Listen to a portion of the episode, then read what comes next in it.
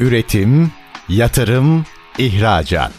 Üreten Türkiye'nin radyosu Endüstri Radyo sizin bulunduğunuz her yerde. Endüstri Radyo'yu arabada, bilgisayarda ve cep telefonunuzdan her yerde dinleyebilirsiniz. Endüstri Radyo.com Sabri Öz'ün hazırlayıp sunduğu Fütürist Yaklaşımlar programı başlıyor.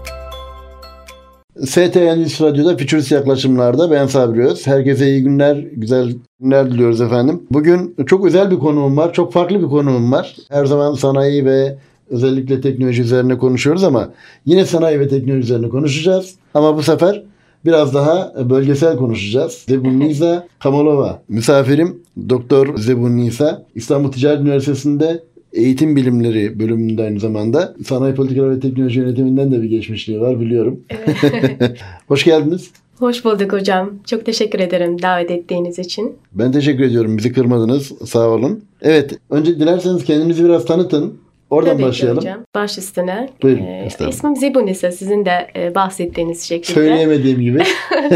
Buyurun. Evet. Zibunisa Kamalova. Özbekistanlıyım.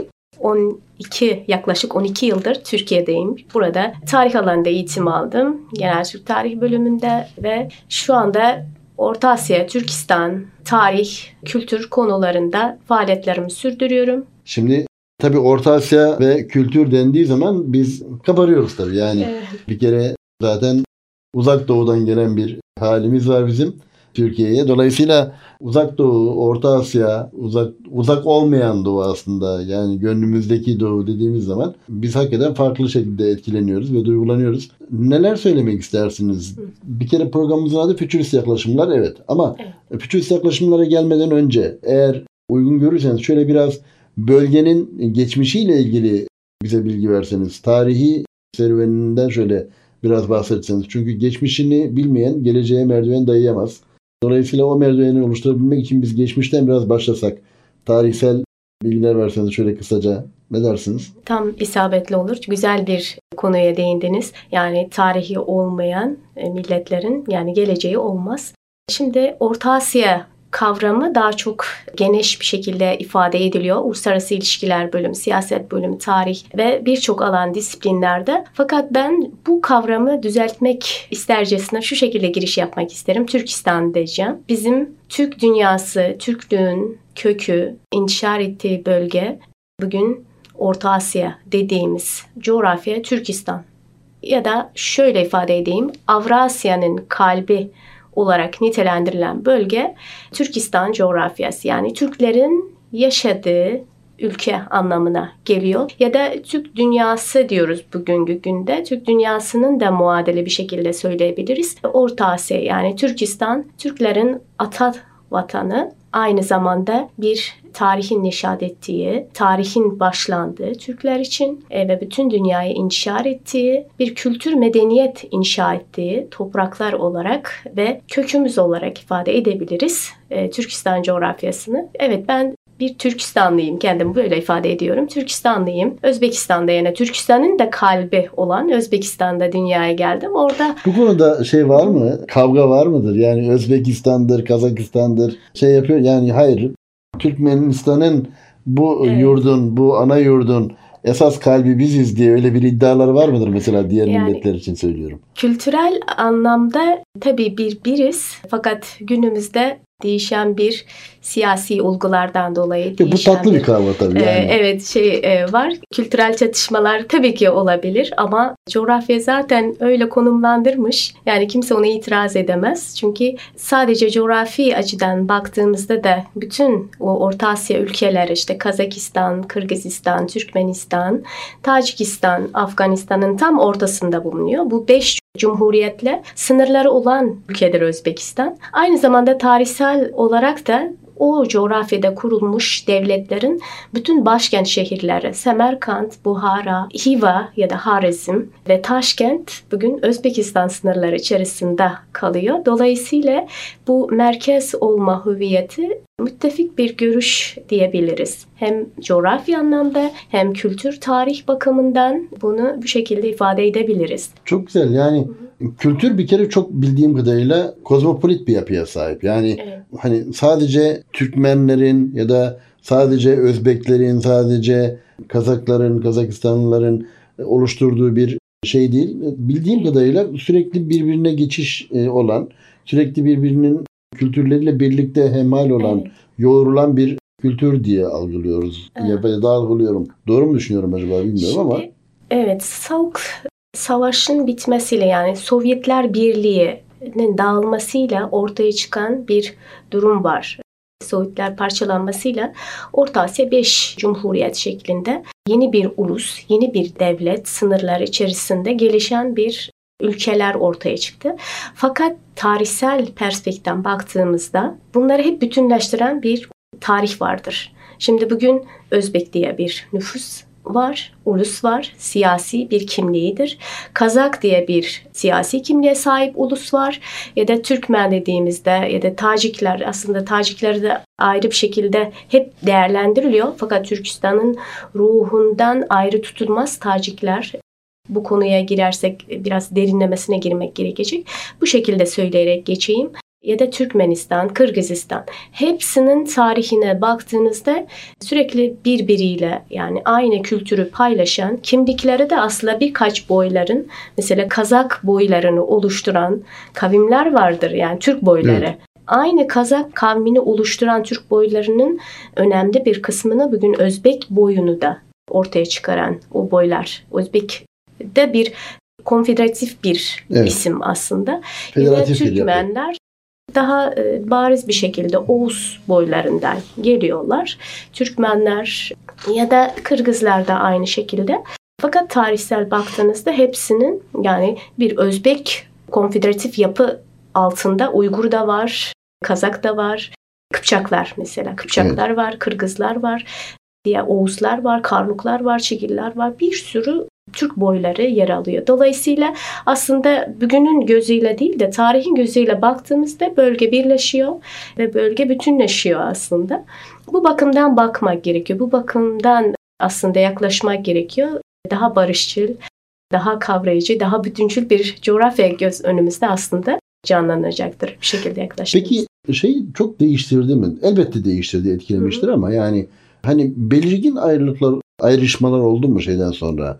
Sovyet Sosyalist Cumhuriyetler Birliği'nin dağılması ve ülkelerin evet. kendi haline birer sınırlarının oluşması itibarıyla kültürde çok yoğun bir farklılaşma ortaya çıktı mı? Yoksa zaten öyleydi böyle devam ediyor dediğimiz şeyler mi daha fazla?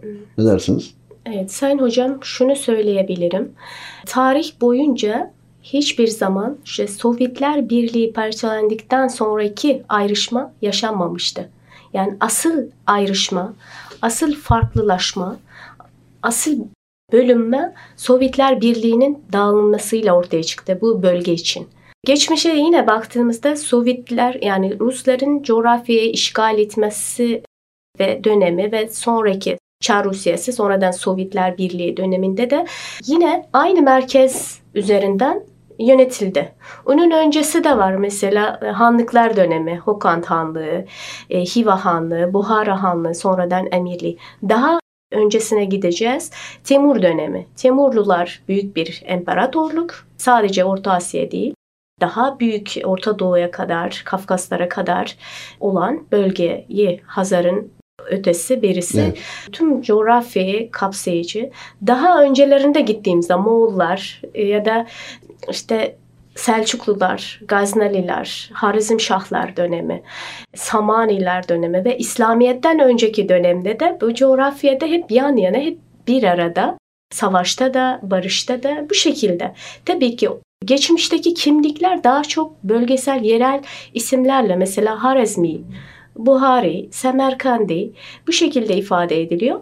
Bu ulus anlayışı daha çok Sovyetler döneminde 1924-26 yıllarında coğrafyada çizilmiş sınırlar vardır. İşte sen Kazaksın dedi. Bu şekilde sınır çizildi. Sen Kırgızsın. ismini bu şekilde atandı. Özbekler böyle burada yaşayacak. Tacikler daha çok etnik kimliği çoğunluğu olarak belirlendi ve bu şekilde parçalandı. Ama yine de e, Sovyetler döneminde uzun düşünülen bir politika var. Yani teritoryal tarih anlayışı. Teritoryal tarih anlayışı geliştirildi yavaş yavaş. Kazak için ya, ay farklı tarih yazıldı. Kırgızlar için, Özbekler için, Türkmenler için, Tacikler için. Dil de aynı şekilde. Ayrı bir gramer geliştirildi. Dil gramer şeklinde ve bu yavaş yavaş seslerde olsun, kelimelerde olsun. Bu yavaş yavaş farklılık ortaya oluşturuldu. Fakat 1991 tarihinden sonra bu Sovyetlerin dağılması ardından şimdi ortaya çıkan bir devletler var. 5 cumhur 15 e, Sovyetler parçalandığında 15 cumhuriyete ayrıldı. Şimdi Türkistan'da 5 cumhuriyet. Bu 5 cumhuriyet bir siyasi olarak ideolojik olarak bir boşluk içinde oldu. Çünkü bu zamana kadar Sovyet ideolojisiyle Sovyet insanı, Sovyet toplumu yetiştirilmişti. Hmm. Şimdi bir boşluk ortaya çıkınca kendi devlet yani anlayışını meşru kılmak yolunda e, şimdi uluslaşmaya daha yoğunlaştılar. Siyasi sınırlarını daha meşru bir devlet haline getirmesi için tarih oluşturulmaya başladı. Yani ayrı ayrı tarih. Dediğim gibi Tarih boyunca hiçbir zaman bu coğrafya 1991 yılına kadar ayrı değillerdi. Ondan sonra ayrıştılar. Fakat bugün farklı bir dönem başladı. Şimdi 21. yüzyıl yani çağımız eşiğinden baktığımızda bir fırsat dönemi diyebiliriz. Bu birleşmek adına, bütünleşmek adına, kimlikleri aynı bir milli kimlik üzerinden inşa kılmak adına bir fırsat var. Türklük şuuru var. Şimdi size ilginç gelebilir. Şöyle bir örnek vereceğim. Ben Lütfen. 12 sene önce Türkiye'ye okumak için, eğitim için geldim. Eğitim için geldiğimde benim gibi akranlarım ya da e, eğitim için gelenler e, sadece Özbekistan'dan değil, Özbekistan'dan, Kazakistan'dan, Kırgızistan'dan gelen öğrenciler biz Türkmüşüz diye kendi kendilerine Türk olduğunu burada anladı birçoğu. Da benim bir yeğenim vardı. Şey dedi, abla bana Türksün diyorlar. Ben Özbeyim. Yani bu kadar şekilde ulus kavramı geliştirildi, oturtulmuştu. Şimdi e, bu Özbekistan'da ya da diğer Türk Cumhuriyetlerinde Türkiye demeyi de çok doğru bulmuyorum. Çünkü Türkiye benzeyen demek. Yani Türkiye tabii, tabii. benzeyen demek. Benzeyen değil onlar tam asıl aslında. asıl aslında yani asıl olarak Türk onlar. Dolayısıyla. Türk tabirini kullanmadıkları için mi Sovyetler döneminden kalan bir şey olarak bu alışkanlık sürdü ve Türk olduklarını söyleyince tuhaflarına gitti yoksa daha farklı bir şey mi var yani ne dersiniz? Evet çok önemli bir noktaya değindiniz hocam. Evet Türkiye diye bir kavram var. Özellikle Türkistan bölgesinde. Türkistan yani Türklerin yaşadığı topraklar Turan daha geçmişi evet. ama buna rağmen Türkiye. Fakat kelimeler asıl manasıyla kullanılıyor ya da istilah manası deniliyor. Hmm. Bu şekilde kullanılıyor. Şimdiki Türkiye anlamı kelime, logat anlamı evet Türkiye ait olarak ifade ediliyor. Fakat Türk sözüyle özdeştir hocam. Şimdi orada hmm. Türkiye devlet dediğimizde Türk devleti anlamına geliyor. Evet. Yani malum Türkiye Cumhuriyeti kurulduktan sonra Türk kimliği, ulus kimliği olarak Anadolu Türklerine mal oldu. Şimdi o coğrafyadaki insanlar da kendilerini çatı kimlik olarak, Türk olarak görüyorsa bile ama artık siyasi bir kimlik ismi olarak Anadolu Türklerinin bu kavramı taşıdıkları için şu anda o Türk ismi buraya mal olmuş. Evet. Onun için işte bu Türkiye daha çok herhalde geliştirildi. Buna vurgu yani altı çizilerek bu şekilde gelişiyor. Ama yine de günümüzden baktığımızda çok ciddi bir değişimlere vakıf oluyoruz. Çok e, kimlik açısından o coğrafyada ve Türk dünyası üzerinden bir hareketlilik var olumlu anlamda, pozitif anlamda bir e, toplumun e, milli enerjisinin kendini gösterdiği evet. bu yaklaşım kültürel anlamda, tarihsel anlamda bir e, özlem vardı zaten. Bu özlemi dile getirerek mevcut tarihsel zemin üzerinden o birliği muhafaza etmek ve itibarını kaybetmiş, ihtişamını tekrar ele geçirme kaygısıyla bir hareket var Türk dünyasında. Özellikle Türkistan coğrafyasında. Ee, şimdi hala e, şöyle bir süreci yaşıyoruz. Türkiye'de çok şükür şimdi yine o gidiş dönüş güzergah yeni yeni son dönemlerde daha işlevselleşmeye başladı. Gidiş dönüşler çoğalmaya başladı. Özellikle Özbekistan'da.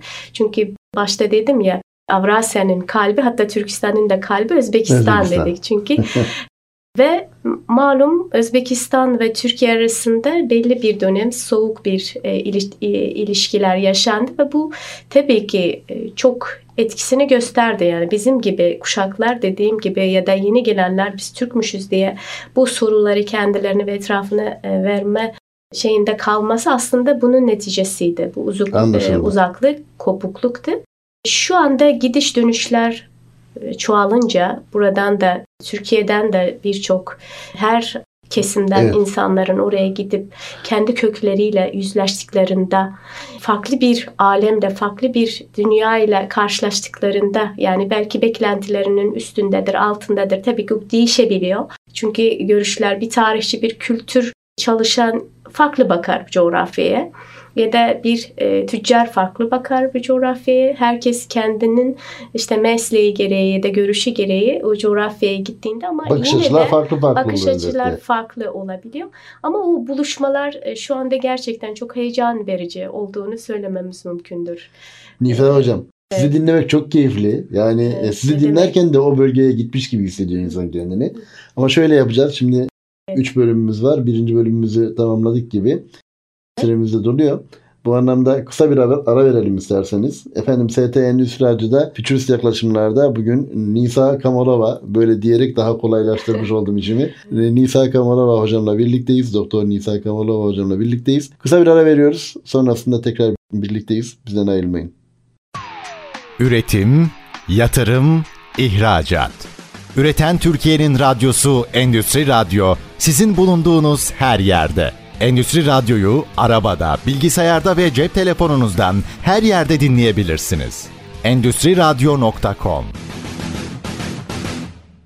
FT Endüstri Radyo'da Futurist yaklaşımlarda Doktor Nisa Kamalova e, hocamızla birlikteyiz. Özellikle Orta Asya'yı konuştuk. Türkistan'ı konuştuk. Aslında şöyle bir şey var. Yani bizim programımızın genel formatı teknoloji ve sanayi üzerine odaklanıyor. Tabii bununla ilişkili de işte ticaret tarafına yönlendirmeye çalışıyoruz programımızın akışında. Aslında Osmanlı döneminde şöyle bir anlayış varmış. Bir bölgenin fethi gerektiğinde önce Abdalhanlar gidermiş. Yani kültürü anlayabilmek adına önce Abdalhanlar gider, gidermiş. Sonra kadın hanlar gidermiş. Ondan sonra e, tacir hanlar gidermiş. Ya da ikincisi galiba tacir hanlar, asker hanlar, özür dilerim. Kadın hanlar en sonra gidiyor galiba. Ee, ama önce Abdalhanlar gidiyor. Tacir hanlar da onun arkasından gidermiş. Dolayısıyla Abdalhan'ın gidişi demek aslında o bölgenin kültürünü anlamak ve tanımakla ilişkili. Her ne kadar biz özümüz bir olsa da kültürel anlamda çok farklılıklar olduğunu biliyoruz. Özellikle de hele hele bu Çin itibariyle Wuhan'dan başlayan ve Duisburg'a kadar devam ettiği düşünülen, devam edeceği düşünülen kuşak yol inisiyatifi dedikleri çalışma çok önemli. Bunlardan da biraz bahsedelim. Neler söylemek istersiniz? Özellikle İpek Yol, tarihi İpek Yol projesinin neşvinema eylemiş halini şimdi Kuşak Yol inisiyatifiyle e, bize sunuyorlar. Ama tabii bu arada bütün Türk Cumhuriyetleri ve Türkiye üzerinden ekonomik rotalarla da bu yollar, rotalar belirleniyor, şekilleniyor. Bu konuda neler söylemek istersiniz? Hem dünü hem bugünü hem de yarını değerlendirmek üzere. Ee, evet. Sözü size bırakayım hocam buyurun. Teşekkür ederim. Çok güzel bir konu. Aslında her türlü işbirlikler yani ticari safhada olma, olmazsa bu işbirlikler ömrü kısa olur. Ee, dolayısıyla günümüzde işte Türk dünyası ile ilgili bütünleşme bir kaygısı, duygusu canlıyken özellikle ticari anlamda, ekonomi anlamda bir bütünlük söz konusu en elzem mesele diye düşünüyorum. Çünkü edebiyat birleştiriyor, sanat, kültür, medeniyet birleştiriyor. Ama ekonomik anlamda bağlılık ne olsa da birbirine bağlı bağımlılıklar. Dolayısıyla kolay kolay ayrışmaz yani kolay kolay uzaklaşmazlar. Ticaret, çıkar birliktelikleri tabii var. ki evet, evet. çıkara tabi ilişkiler gelişecek neticede. E, şimdi ticaret dediğimizde yine engin coğrafyalar üzerinde doğudan batıya, batıdan doğuya giden güzergahlar aklımıza gelir. Bir tarihçi olmanın da böyle bir şeyi vardı. Hayalinizde hep geçmişi canlandırırsınız. Türkistan üzerinden geçmiş o İpek yolu, ticaret yolları ve bu ticaret yollarının esas işlevselliğini elinde tutan ya da bu istikrarı sağlamış ki bu ticaret yolları daha gelişmiş. Bir Türk dünyası da aklımıza gelir aynı zamanda. İpek yolu da e, işte Çin'den başlayarak e, Avrupa'ya uzanan bu güzergah üzerinde Avrasya e, üzerinde bahsettiğimiz gibi birçok Türk devletleri siyaset yaptılar ve ticaret yaptılar. Aynı zamanda sadece bu yıllar ticareti sağlamadı. Bir kültür alışverişi, medeniyet inşası, medeniyetlerin kesişme noktası, fikir alışverişi olduğu harp yolu diyebiliriz. Yani birçok tarihi de aslında kendi bünyasında e, bizi tahayyül ettirebiliyor. E, şimdi geçmişte küresel ticaret güzergahı diyebileceğimiz İpek yolunun tam o e, kavşak noktalarında bulunan Orta Asya ya da Türkistan coğrafyası geçmişteki önemini aslında bugün ve gelecek için de muhafaza ediyor. Dedik ya o güzergahta devlet kurmuş Türkler bu istikrarı sağladığı için o ticaretler, ticaret yolları gelişti, e, işlevsel oldu. Fakat Malum 16. yüzyıl itibariyle deniz ticaret yollarının ortaya çıkması ile gelişmesi ardından bu yollar e, biraz işlevselliğini kaybetti ve bölge bir mahdut bölge halinde siyasi gelişmeler yani birçok sosyokültürel siyasi gelişmeler neticesinde o gelişim e, yavaşladı. Dolayısıyla ticaret bu noktada da önemlidir. Yani ticaret sadece alışveriş değil, aynı zamanda gelişimin esas tekerleğini aslında ifade ediyor. Bu bölge en parlak dönemlerini her alanda siyasette olsun, sanatta olsun, bilimde olsun bu Türkistan bölgesi o İpek yolunun en işlevsel olduğu dönemlerde. Çünkü ekonomi iyi bir seviyede olduğu dönemlerde diğer alanlar da gelişecek tabii ki. Şimdi günümüzde yeni bir ya asrın dev projesi olarak nitelendirilmekte olan bu Çin'in teşebbüs ettiği İpek Bir Kuşak Bir Yıl projesi ya da Yeni İpek Yolu projesi söz konusu ve bu büyük bir İpek yolu yani ticaret güzergahı bugün doğuyu, batıyı ve birçok 60'ın üzerinde ülkelerinin geleceğiyle de ilgili aynı şekilde bu kadar ülkenin de dahil olduğu büyük bir proje. Şimdi yine Türkistan bölgesi bu proje dolayısıyla yine önem arz etmeye başladı. Son dönemlerde gelişen bu siyasi sahnedeki gelişmelere baktığımızda da bunu görebiliyoruz. Orta Asya ülkeleriyle yani bölgenin öznesi olan bu ülkeler yani Orta Asya ülkeleri olarak daha çok bütün olarak görülüyor. Mesela Çin başkanı da görüşmelerini sadece bir Özbekistan ya da Türk Kazakistan Türkmenistan başkanı değil, 5 ülke başkanı ile beraber bir görüşme yapılıyor, yapıyor. Ya da Rusya başkanı da aynı şekilde ya da geçenlerde Birleşmiş Milletler Zirvesi'nde de eğer dinleyicilerimiz izledilerse orada da e, yani Amerika Birleşik Devletleri Başkanı, Orta Asya Ülke Devletler Başkanı ile de görüşmeler yapıldı ve bölgeye yönelik bir ciddi bir itibar var ya da şöyle ifade edilir. Bir ticari anlamda, ekonomik anlamda çıkarların çatıştığı bir bölgede yeniden bir itibar iadesi gerçekleşiyor. Bu da asıl amaç dediğimiz gibi ekonomik çıkarlardır. Şimdiki bu projede esas bu koridorlardan bahsediyor. Çin'den yola çıkan Kuzey Koridoru, evet. Orta Koridoru ya da Güney Koridoru şeklinde ifade ediliyor. Orta Koridor dediğimiz ya da birçok siyaset bilimi, uluslararası ilişkiler alanında fikirlerini söyleyen hocalarımızın da bahsettiği şekilde Türk kuşağı diye ifade edilen Orta Koridor'da bulunan Orta Asya'da Türkistan Cumhuriyetleri günümüzde dediğim gibi bir önem arz etmeye başladı. Ya da Türk Devletler Teşkilatı olarak bu yani Türkçe konuşan devletler konseyi de bu da çok ta 2021 yılına kadar 2021 yılında Özbekistan'ın katılmasıyla ben tekrar burada altını çizeceğim ve merkez olduğu e, hüviyetini şey yani Özbekistan Türkiye'den sonra nüfus açısından en kalabalık bağımsız Türk Cumhuriyeti. Tabii ki e, onun öncesi ne kadar nüfus aşağı yukarı Özbekistan? 36, 36 milyonun milyon. üzerine çıktı. 36 evet. milyon. Ben Özbekistan, Kazakistan ve hangi ülke acaba? Bir ülkemiz daha var. Fergana Vadisi mi? Fergana Vadisi de bugün Fer, üç Fer, cumhuriyet heh, arasında O Fergana Vadisi'ni şeye benzetiyorum. Bizim Türk filmlerinde vardır. Tellioğulları, Seferoğulları diye bir hikaye vardır. Ha, Bilmiyorum evet. siz bilir misiniz ama dinleyicilerimiz iyi bilirler. Yeşil Vadi. Öyle evet. bir kavga gibi. Orası kimin olduğu da hala tam olarak evet. belli değil ama herhalde en yaklaşımcı çözümü Özbekistan getiriyor. Tabii ki bu da çok önemli bir konu aslında. Bunu mutlaka Ticaret Vadisi anla, ayrı bir, hatta ayrı bir başlık olarak konuşulması gerekiyor. Çünkü Türk dünyasını ilgilendiren bir konu, istikrarı evet. ilgilendiren bir konu. Şimdi bu projeden bahsettik ya bugün günde önemini önem arz eden bir bölge olarak öne çıkıyor. Çünkü Orta Koridor'un geçtiği önemli güzergahlar.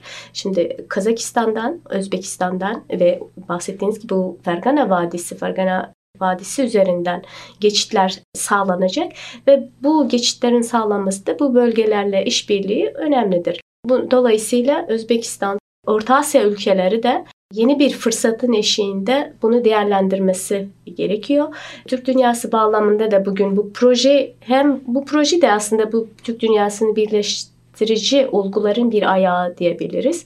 Ya da günümüzdeki o gelişmeler şimdi Kuzey Koridor'un önemsiz önemsiz değil de bugünkü istikrarın olmadığı için Kuzey Koridor bugün Orta Koridor'a şey veriyor, şans veriyor. Yani Rusya'nın Ukrayna'ya evet. şey neticesinde bu çatışmalar nedeniyle Kuzey Koridor istikrarını kaybetti. Yani şu günümüzde enerji kaynaklarına ihtiyacı olan Batı mutlaka ihtiyaç var. Doğudan o kaynakları temin etmesi bağlamında ve Orta Koridor önem arz ediyor ve günümüzde Karabağ, Hanken'de bu Zengüzar'da son gelişmelerde evet. aslında Orta Koridor'un önemli bir geçit Nahçıvan ya da Nahçıvan Koridoru da diyebiliriz diğer bir ismi. Çok önemli bir gelişmeler yaşanıyor şu anda. Belki bugün e, çok da farkında değiliz. Bu Karabağ Zaferi ya evet. da bu Nahçıvan güzergahını yani o geçiti tekrar ele geçirme çabaları bugün ciddi bir diyaloglar yaşanıyor, ciddi bir sıcak çatışmalar oluyor bölgede. Bu Türk koridorunun birleşmesi sadece Türklerin kara üzerinden bir birliğini ifade etmiyor. Tabii ki bu çok önemli bir şey. Türklerin kara üzerinden o lojistik ulaşımı ve evet. etkileşimi aslında çok ciddi bir manada etki edecek, olumlu manada. Aslında Şimdi, hocam özür dilerim. Evet, Kuşak Yol projesinde benim de çok zaman çalışmalarımda vardır o. Kuşak Yol projesinde 69 ülkeden bahsediyoruz işte evet. doğrudan etkilenen. E, ve işin açı bu karayolu ve raylı sistemlerin böyle bir geçidi kullanıyor olmasının avantajını bütün ülkeler yaşıyor aslında. Yani evet. çünkü öbür türlü işte Bakü'den çıkan adeta ya aşağıda İran seferinden yani İran sınırlarından dolaşarak gelecek ki 1000 kilometreye yakın 850 kilometre ya da yukarıda Gürcistan üzerinden dönerek Türkiye'ye gelişecek. O da aşağı yukarı 1000 kilometre. Bunun yerine 550 kilometrelik bir hatla Transhazar bu, bu, bu işi, evet. güzel yolu hem maliyetleri azaltacak zamanı azaltacak, hem zamanı azaltacak. Enerjiyi ee, tasarruf ee, tabii ettirecek. tasarruf evet. edecek. Çok önemli bir geçitti. Sadece geçit değil kültür yönü de var Kesinlikle. onun. Tarih yönü var. E, Zengüzer gerçekten çok önemli. Nahçıvan'ı Azerbaycan'a bağlamak ve Türkiye'yi Azerbaycan'a aslında bağlamak çok önemli bir husustur. Transkafkasya diye geçiyor. E, Küçük evet, Kafkasya diye. Evet. Aynen öyle. Güney. E, tarihsel olarak baktığımızda yani kendi topraklarımız üzerinden bir aidiyet kazanma e, yönünde faaliyetler, çabalar sürüyor. Tabii bu gelecekte yine izleyeceğiz, göreceğiz daha olumlu bir e, yani Türk dünyasının lehine olumlu gelişmeler yaşayacağını umut ediyoruz. Fakat şunu unutmamamız lazım yani Türk dünyasının aydınları olarak ya da iş insanları, siyasiler bugünkü fırsatı eğer elden verirsek, elden kaçırırsak tarih önünde biz çok bir sorumluluk üzerindeyiz. Şu anda evet. gelecek bizi affetmeyecek. Çünkü gerçekten öyle bir şerait diyoruz, imkan oluştu ki sadece burada soğukkanlık üzerinden sağlam akılla, üstün bir akılla ticari anlamda birçok şimdi tarihin bize getirdiği fırsatlar var. Yani dünya siyasi konjonktürünün aslında oluştuğu bir imkanlar var. Bunu istifade ederek biz de bu dünya içerisinde bu büyük olma yolunda, güç olma yolunda ya da büyük güç blogu olma yolunda faaliyetlerimizi yapmamız gerekiyor. Çünkü evet. coğrafi olarak yani bu coğrafyanın sahipleriyiz. Yani kimse bunu itiraz edemez. Tarih yapmış mı milletleriz. Devlet kurmuş milletleriz. Her yerde kendi damgamızı vurmuş milletleriz. Yani milletler derken aynı milletin farklı boylarıyız bu şekilde. Ve o Avrasya üzerindeki en önemli e, geçitler, güzergahlar, kaynakların üzerindeyiz ve elimizde yeniden bir güç olma potansiyeline e, yani bize bu imkanı verecek bugünkü dünyanın ihtiyaç duyduğu enerji kaynaklarına yani sahibiz yani evet, bizim evet. topraklar yani Türkistan günümüzde o enerji kaynağı bakımından dünyada üçüncü yani Orta Doğu, Sibirya sonra e, Türkistan coğrafyası geliyor. Yani ciddi manada bir kaynak ham maddeye sahibiz. Fakat bu işbirlikler neticesinde bunu kendi dünyamızın yükselmesi için, zenginletmesi için ve dünya üzerinde söz sahibi olmak için, o gücü elde etmek için kullanabiliriz. Sadece sağlam akıl, iyi bir plan, proje ihtiyaç var. Çok güzel. Öyle. Peki hocam sizi dinlemek hakikaten çok keyifli söylediğim gibi. Yani ara vermeden devam etmek istiyor Gönül ama bir kısa ara vereceğiz tekrar. Futurist yaklaşımlarda FT Endüstri Radyo'da Nisa Kamalova, Doktor Nisa Kamalova hocamız bizimle birlikte. Kısa bir aradan sonra devam edeceğiz efendim. Bizden ayrılmayın. Üretim, yatırım, ihracat. Üreten Türkiye'nin radyosu Endüstri Radyo sizin bulunduğunuz her yerde. Endüstri Radyo'yu arabada, bilgisayarda ve cep telefonunuzdan her yerde dinleyebilirsiniz. Endüstri Radyo.com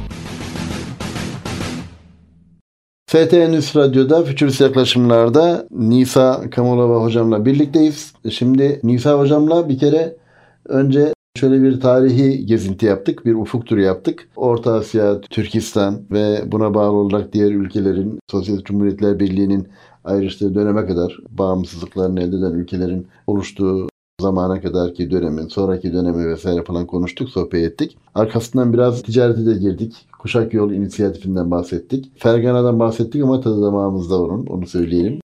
Onun üzerine biraz daha devam edebiliriz. Ama oraya gelmeden önce aslında şunu söylemek lazım belki. Yani çokça o bölgeye gidip gelenler elbette bu konulara çok yabancı olmayabilirler. Fakat Türkiye'de biraz önce siz de ifade ettiniz önemli fırsatlar da devrini yaşıyoruz. Yani 21. yüzyıl itibariyle ekonomik anlamda, teknolojik anlamda, her anlamda, sosyolojik anlamda. Dolayısıyla bu fırsatları değerlendirebilmek adına aslında işte buranın kültürünü, buranın dokusunu anlayabilmek, o bölgeyi iyi tanımak adına bizim de yapmamız gereken, dinlememiz, okumamız ve konuşmamız gereken çok şey olduğunu düşünüyoruz biz.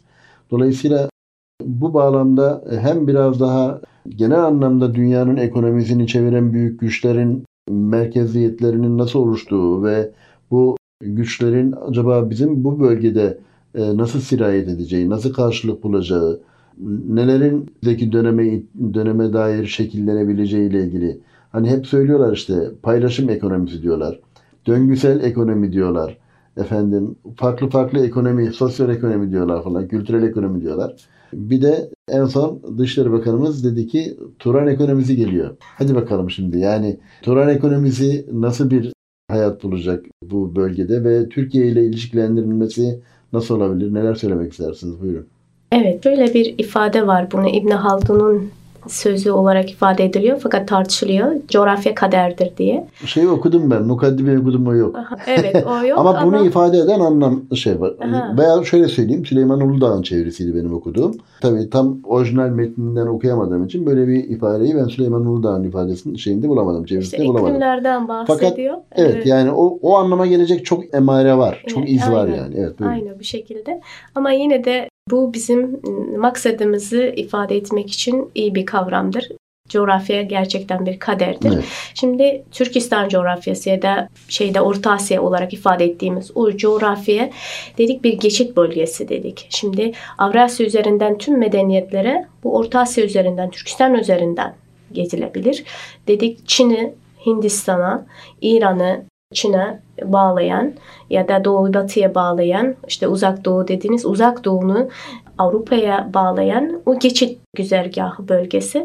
Dolayısıyla her zaman bu geçit olma hüviyetinin yanında yeraltı yerüstü kaynaklarının da e, önemli ölçüde zenginliğiyle de hem tarihte de baktığımızda günümüzde de baktığımızda bir büyük güçlerin odak noktası olmaya teşvik eder.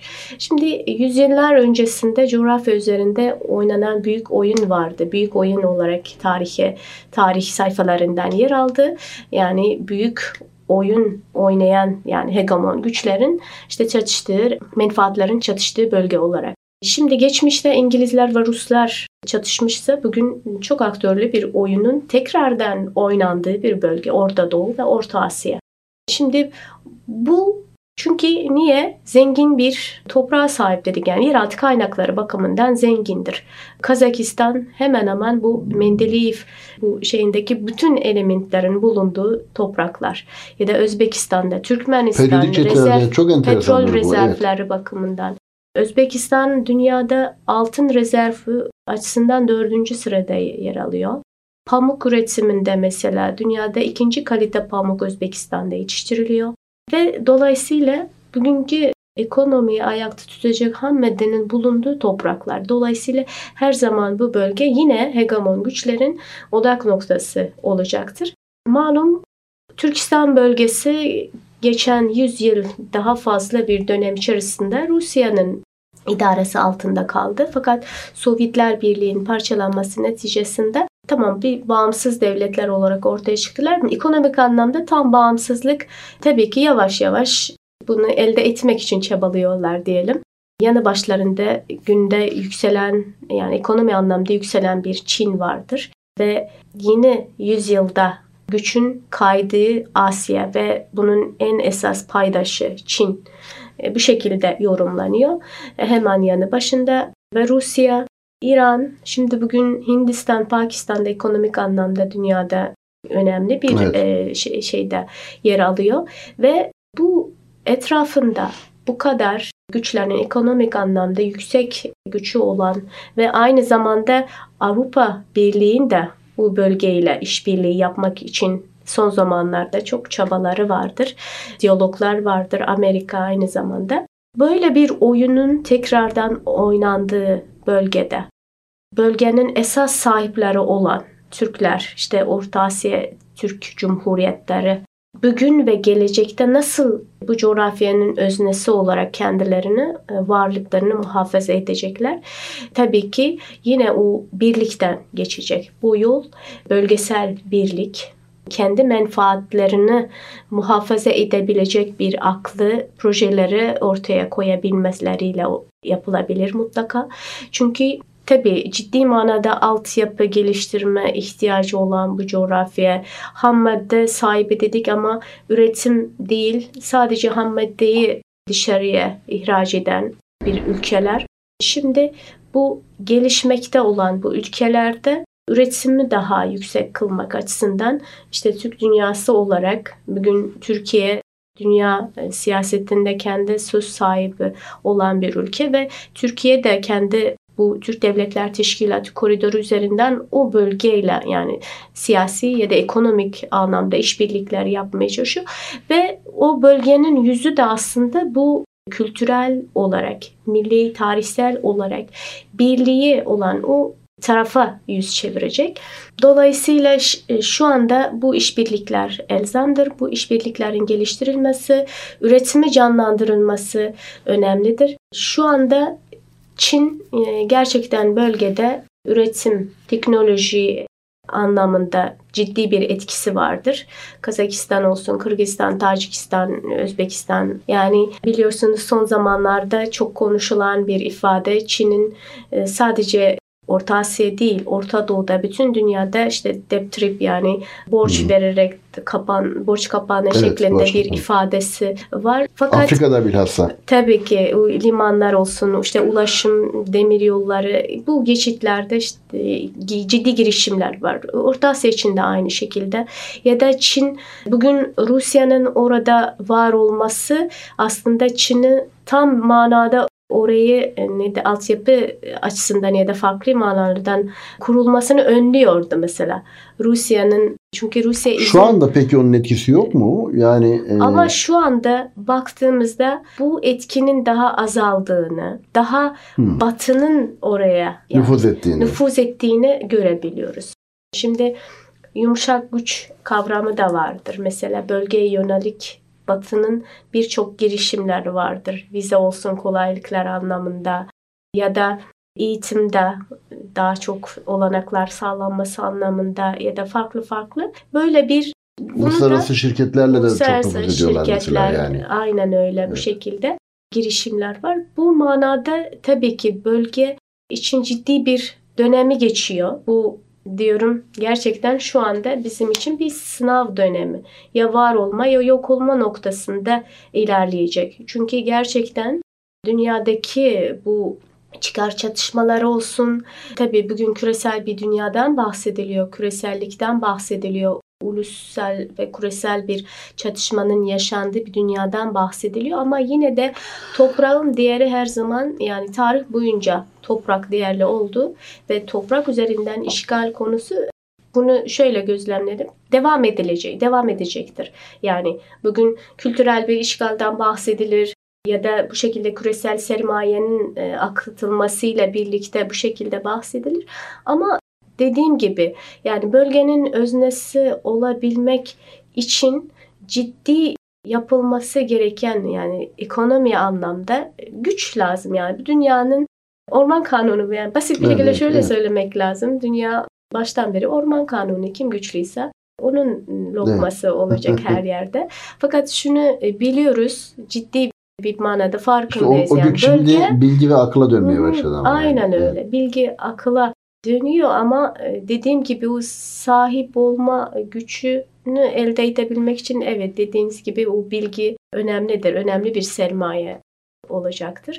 Fakat şimdi yine e, şöyle bir yakın dönemde çalışma yapıyordum. Tekrardan Orta Asya, Türkistan küresel ticaretin kalbi olabilir mi diye bir soru koyarak o sorunun e, cevabını aramaya çalışıyordum. Şöyle yani tarih tabii ki tekerrür eder. Eğer iyi bir yönde e, şey alınsa evet. Felsefede şöyle bir ifade var. Vardan yok olmaz, yoktan var olmaz. Türkler dünya tarihinde diğer halkların tarihine dokunan millettir. Bütün diğer halkların milli destanlarında bir Türk olgusu vardır. Evet. İyi ya da kötü. Devlet yapan, devlet kuran, tarih yapan, tarih yazan bir millet olarak ve geçmişte küresel ticaretin esas işlevselliğini elinde tutmuş mesela o İpek yolu Çinliler ve Türkler elinde tutuyordu coğrafyada. Yine bu potansiyel vardır. Mesela tabii bilgi çok önemlidir her anlamda. Bilim çok önemli. Bölge için Yine ben Özbeklerden bahsediyorum hocam. Özbekler için iyi tüccar yani ticaret iyi yapanlar anlamında. Bölgenin Kayserlisi diyor. Kayserlisi diye bilinir. Uygur ve Özbekler için bu şekilde iyi ticaret yapan, ticaretten iyi anlayan e, topluluklar. Hatta ben e, Şahrisabizliyim hocam. Orada Timur'un hemşehriyim. Bu, bunu diğer ülkelerde kabul ediyorlar mı Kazaklar falan tabii yoksa? Tabii kabul ediyorlar. Öyle yani mi? onlar çok tüccar halklar diye hem pozitif hem şey. E, negatif şekilde yaklaşımlar var. Şöyle vardı. Bıçak buruş yani karpuzun kabuğunu ha. satarak para yapan şey topluluk derdi. Bizim benim yaşadığım şehir için. İşte döngüsel ekonomi dedikleri şey Öyle. şey bu. yani bunlar kabuktan da para yapan şey şekilde. e, tabii bu işin esprisi olabilir ama böyle bir potansiyel, ticari anlamda ticaret yapabilme potansiyeline sahip olan e, milletleriz. Tabii ki Yine esprisi vardı. Özbeklerin üzerinden de Türkler gelir. Hakkından Türkler gelir yani. Türkleri Yani yine e, bu şekilde böyle Anadolu Türklerinden Anadolu bahsediyoruz. Türklerinden bahsedilir. Bu şekilde yani ticaretten anlayan topluluklar olarak yine coğrafyanın verdiği imkanları sonuna kadar kullanarak ve dünya e, şu andaki dünya konjonktüründeki durumdan iyi yararlanarak siyasi olsun her e, yani dünya siyasi sahnesinde gelinen fırsatlardan iyi bir şekilde yararlanarak altyapıyı geliştirerek, bölgesel işbirliği geliştirerek, özellikle işte Fergana Vadisi, Fergana Vadisi bu bölgenin kanayan, sürekli kanayıp duran bir yarası diyebiliriz. Çünkü e, Sovyetler döneminde toprakları beş parçaya da e, altı diyelim. Çünkü Karakalpakistan Özerk Cumhuriyeti de vardır. Özbekistan'ın siyasi idaresi altında varlığını muhafaza ediyor. Parçalanırken işte öyle karmaşa kargaşalı bir şekilde ve ileriye dönük çatışmayı da körükleyecek bir şekilde yapılıyor. Şimdi Anklav Fergana Vadisi günümüzde Tacikistan, Kırgızistan, Özbekistan arasında paylaşılıyor. Biliyorsunuz evet. Fergana Vadisi çok verimli toprakları. Yani herkes e, baktığınızda Andijanlı. O yüzden Yeşil Vadi Evet Yeşil Vadi. Andijanlı ya da Margılanlı gidin avlusundan ticaret yapar. Bir üzüm ekerek ya da bir patatesi vardır. Altı arık patatesi. Yani küçücük yerden bir daha söyler misiniz adını? Altı arık. Altı arık patatesi diye meşhurdur. Nedir o? Büyük mü? Patatesler büyük ve çok tatlı. Yani toprağın verdiği şeydir. Hmm. Ya da narları kuva e, diye yer var. Kuva narları meşhurdur. İşte o meyveler çok tatlı meyveler yani toprağın verdiği o bereketten dolayı insanlar evlerindeki ürettikleri o sebze meyveyle iyi bir gelir elde edebiliyorlar. Çünkü e, hem çiçekler şehri yani toprak çok verimli. Fakat su yani Avrasya'nın en temiz suları Amudarya, Sirdarya suları yine Orta Asya Türkistan üzerinden ve esas suyun başında oturanlar Tacikistan ve Kırgızistan, Tacikler ve Kırgızlar. İşte su problemleri vardır. Mesela suyun dağılımıyla ilgili problemler yaşanıyor ve anklav bölgeler vardır. 9 anklav bölge var. Yani Tacikistan'ın Özbekistan kalan, Özbekistan'ın Tacikistan ya da Kırgızistan'da kalan anklav bölgeler vardır. E, son zamanlarda bölgesel iyi komşu politikaları geliştiriliyor ve hatta bir ay daha olmadı. Mesela Özbekistan'ın Kırgızistan'da mevcut Şahmardan anklav bölgesi vardır. Şahmerdan ve Soh en büyük anklav bölgelerden. Ve orada geçişler gerçekten bir kaosa dönüşmüştü. Yani Özbekistan halkı Fergana Bunlar vilayetine bağlı bir ilçe. Evet. Fakat Kırgızistan geçmek için merkeze gelmek için Kırgızistan topraklarından geçmesi gerekiyor. Ve Kırgızistan toprakları da ciddi bir yani bu halklar arasında bir çatışmalar yaşanıyordu. Hatta sıcak kanlı çatışmalara neden olabiliyordu. Bu çok riskli bir durum. Çok işte riskli. Yani. yani yaşandı. Oş olayları yaşandı. Geçenlerde mesela Bu büyük Kırgızistan... güçler dediğimiz güçlerin rahatça kullanabileceği Aynen öyle. Bunlar. Bu şekilde. Sürekli bunları şu anda ne de aralarında anlaşarak çözmeye çalışan bir devletler var. Türk Teşkilatlar Birliği dediğimiz şeyin bu manada bu çok manada, büyük önemi var. Tabii tabii çok e, büyük önemi var şu anda. Son zamanlarda Türk Devletler Teşkilatı önceliğinde yapılan birçok anlaşmalar oldu. Ulaşımda, evet. lojistik, hukuk alanında, gümrük alanında. Bunlar e, diyorum her biri heyecan veriyor insana. Evet. Süre, süremizi çok aşmışız. Evet, evet. evet.